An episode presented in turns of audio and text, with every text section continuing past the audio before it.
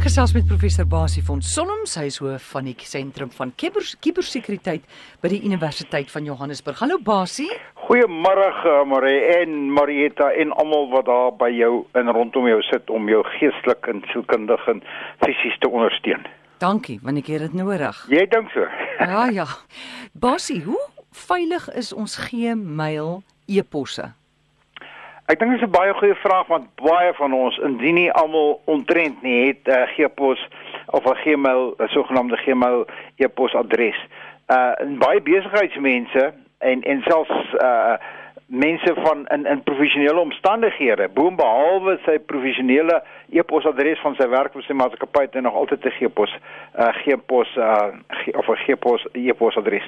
Ja, die vraag is hoe veilig dit is. Ek dink mense kan sê dat uh die as jy e-pos stuur, as ek vir jou e-pos stuur na jou Gmail adres toe van my Gmail uh, uh, Gmail adres of my Gmail adres, as, dan is dan word die boodskap onmiddellik geënkripteer. Dan word die inhoud van die data, oomblik as dit my rekenaar verlaat, word dit geënkripteer of dit word dan sodanig geskommel dat uh, dit by jou aankom en dan word dit aan jou kant word dit ontskommel. So die risiko dis, kom ons praat eers daaroor dat as iemand daai e-pos van jou onderskep want onthou ons daar baie daaroor gepraat dat jou e-pos gaan nie direk van my na jou rekenaar toe nie hy gaan 10 20 30 verskillende rekenaars soos wat die internet omroteer as iemand hom tydens daai pad onderskep gaan hy nie gaan hy hom nie kan lees nie want hy is geskommel of geënkripteer en Gmail verseker jou en kom ons vertrou dit vir eers. Hulle het uh die stelsel wat hulle gebruik is 'n baie gevestigde stelsel waarmee hulle dit doen. Maar dit sê dis nou nie dat daai e-pos van jou totaal veilig is jy moet onthou as hy aan die ander kant aankom dan word hy daar geontskom en dan kan hy hom lees. En dit gebeur. As jy 'n e-pos stuur dan gaan hy eers na na Google of Gmail se se webbediener toe en dan word hy daar ontskommel en hulle kyk selfs na om want kyk hulle is vreeslik ernstig wees daar oor goed soos haatspraak en en rassistiese uitsprake en sulke tipe dinge uh, uh, te, te bekyk en dit gesk geskied ook met jou Facebook profiel. So hulle kan daarna kyk.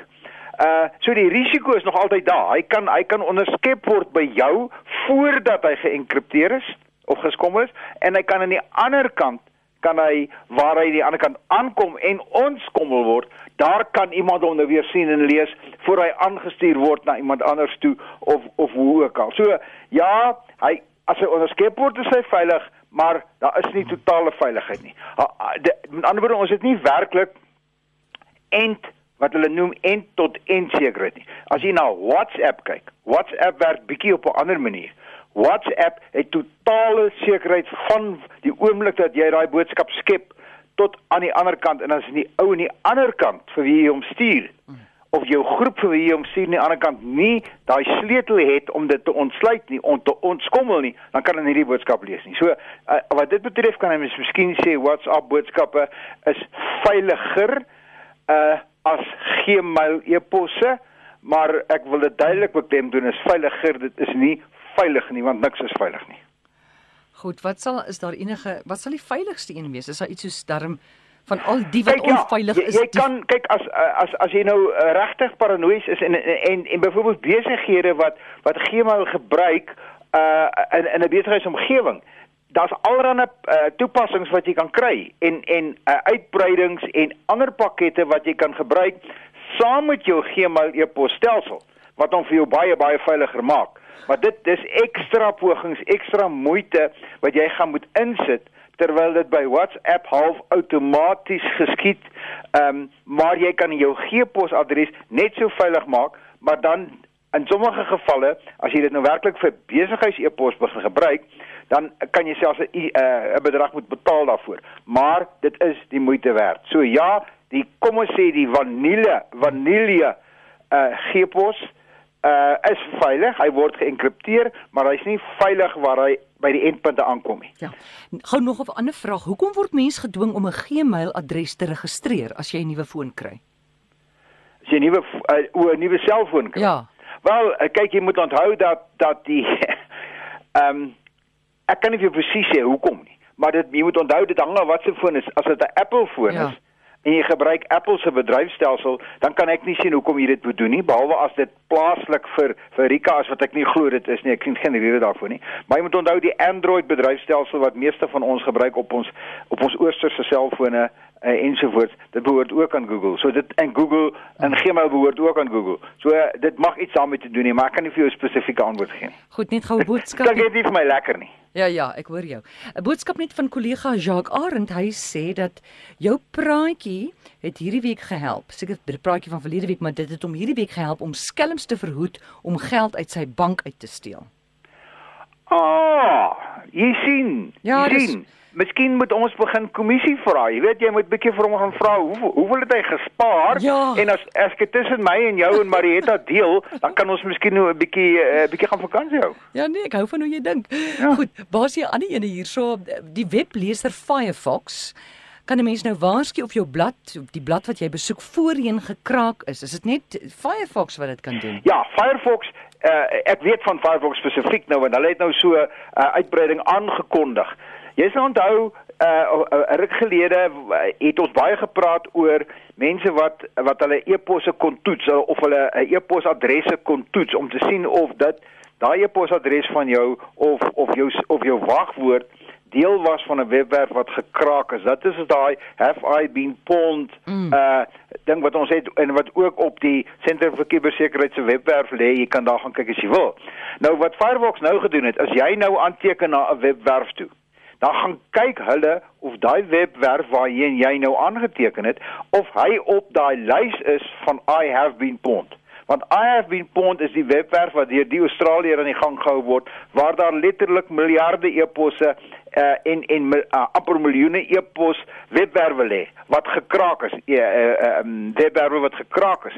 En dan dan lys hy hulle daar. So wat Firefox doen as as jy by die webwerf aankom, kom ons sê jy gaan nou na uh, RSG toe. Dan sal hy vir jou gaan dan gaan kyk hy of RSG se webwerf op daai lys is van webwerwe wat gekraak is en dan sê hy vir jou, hoorie, die webwerf waarheen jy nou wil aanteken is al gekraak.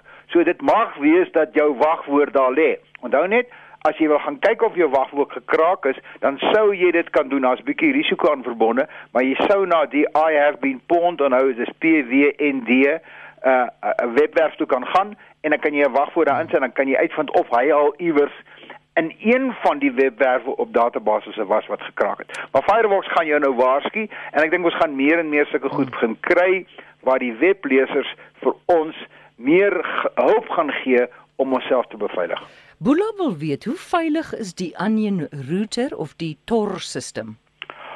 Oh, nou, nou, nou beweeg ons altyd, jy weet, soos daai vriendin van jou van die van die van die kruie sê, ja. nou, nou gaan ons na 'n kant toe wat wat donker is. Maar nou gaan ons na die donker web toe. Die die hele idee van die Onion router en veral die Tor webleser, ehm um, gee vir jou toegang tot die donker web en die die nie die diep web maar die donker web. Dis waar allerlei onheilige dinge gebeur waar 'n ou maar moet wegbly as jy daar bly.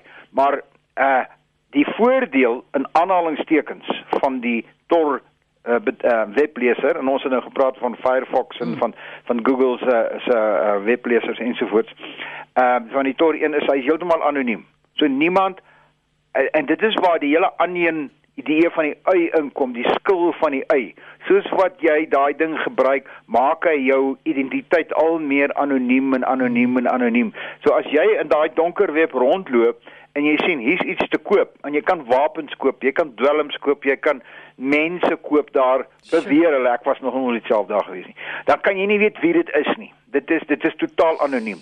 Maar dit dit is 'n ek niks is weer eens veilig nie. Mm. Maar hy is spesifiek geskep en hy word nogal gebruik ook deur uh sê hulle deur joernaliste wat inligting, jy weet, wil beskikbaar stel of vletjieblassers of wat ook al, kan jy dan op die diep web gaan kry deur gebruik te maak. Maar jy kan met jou met jou gewone webleser wat ek en jy gebruik, kan jy nie daar uitkom nie. Maar dan dan gaan jy na die Tor uh, webleser toe en die en die en die eie omgewing wat dit uh, anoniem en heelwat veiliger maak hierdie tor sisteem, hierdie TOR as jy dit omdraai dan dan lees dit rot.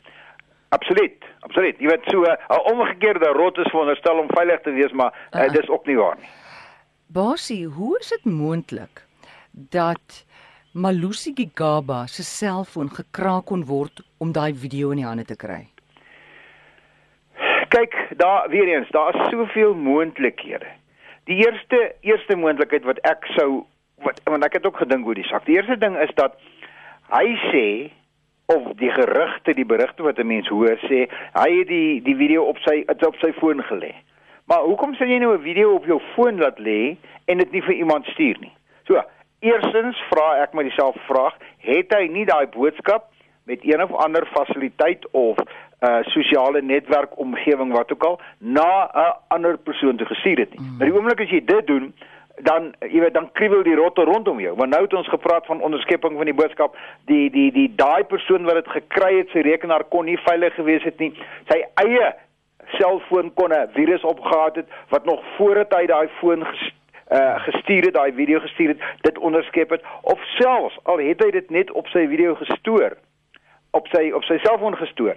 As daai video en daai foon geïnfekteer was met 'n met 'n rot of met 'n virus, kon hy dit onderskep het nog voordat hy hom op sy foon gestoor het. So, daar's soveel moontlikhede en jy moet onthou dat is gewoonlik as jy iets aan iemand aanstuur en jy vertrou die ou aan die ander kant, dit is nie noodwendig die geval nie. Daai ou kan dit aanstuur of hmm. doelbewus of onbewus omdat hy nie weet dat sy foon geïnfekteer is nie. So, daar's 'n hele reeks dinge. Ek dink as jy 'n behoorlike forensiese ondersoek gaan doen, gaan jy uitvind dat baie van die goed wat hy miskien sê, uh besef hy nie heeltemal dat dit is wat kon gebeur het nie. Wat natuurlik vir my baie snaaks is, is dat hy jy weet hy was 'n minister gewees. Sy foon moes verskaf gewees het deur van ons veiligheidsagentskappe in die land wat uiteraard ekstra veiligheidsmateriaal daar opgesit het. So, was dit 'n privaat foon gewees? Ek weet nie. Was dit 'n werksfoon gewees? As dit 'n werksfoon van 'n uh, uh, werksfoon was, dan is ek nou nog meer bekommer, want hoe weet jy dan wat kan alles in terme van amptelike staatsdinge wat jy, wat een minister met 'n ander minister praat? Uh hoe kan dit nie onderskep word nie? So daar lê vir my, ek ryk 'n klomp goed in daai omgewing, ryk ek 'n hele klomp rooitjies wat miskien later groot rotte gaan word. Goed, Basie het 'n minuut en 'n half besigheids-epos slenter, daai 300 miljoen, is dit rand of dollar wat verlore is? Dit was eh, ek dink dit was iets soos 21 miljoen dollar gewees, so dis 300 miljoen rand ongeveer. En hulle sê dis omtrent 10% van die maatskappy, so groot maatskappy, dit is 'n fliekmaatskappy se omsette. Jy sien en en in Suid-Afrika gebeur dit ook. En dis hoekom ek bly is dat ons net weer kan aansluit daaroor in jou minuut. Prokureurs uh, mense val vir dieselfde ding. 'n Prokureur stuur 'n brief, 'n koopbrief vir die koper wat sê jy moet hierdie bedrag betaal, daai boodskap word onderskep. Hierdie besigheids-e-pos onderskepping het alles daarmee te doen. In die geval het die rotte 'n e-pos nagemaak wat van die bestuurende direkteur afgekom het in die maatskappy wat gesê het hoorie ons het hierdie en hierdie en hierdie maatskappy gekoop of ons het hierdie ding gedoen, hierdie bedrag moet aan hulle oorbetaal word. En die die klerk of die rekenmeester het geval daarvoor toe die die fout het ontstaan in die maatskappy soos ek dit sien omdat hy op 'n vals e-pos gereageer het. So weer eens, as iemand vir jou sê hier's 'n bankrekening, betaal die volgende bedrag geld in die bankrekening in of dit nou van die kerk afkom of van dit van die prokureur afkom of van die hoofuitvoerende beampte afkom, maak altyd eers seker met 'n telefoonoproep met die oorspronklike ou van wie jy dink dit kom of die bankrekening reg is. So gesels professor Basie van Solms en jy kan hom kontak by rsgbasie@gmail.com.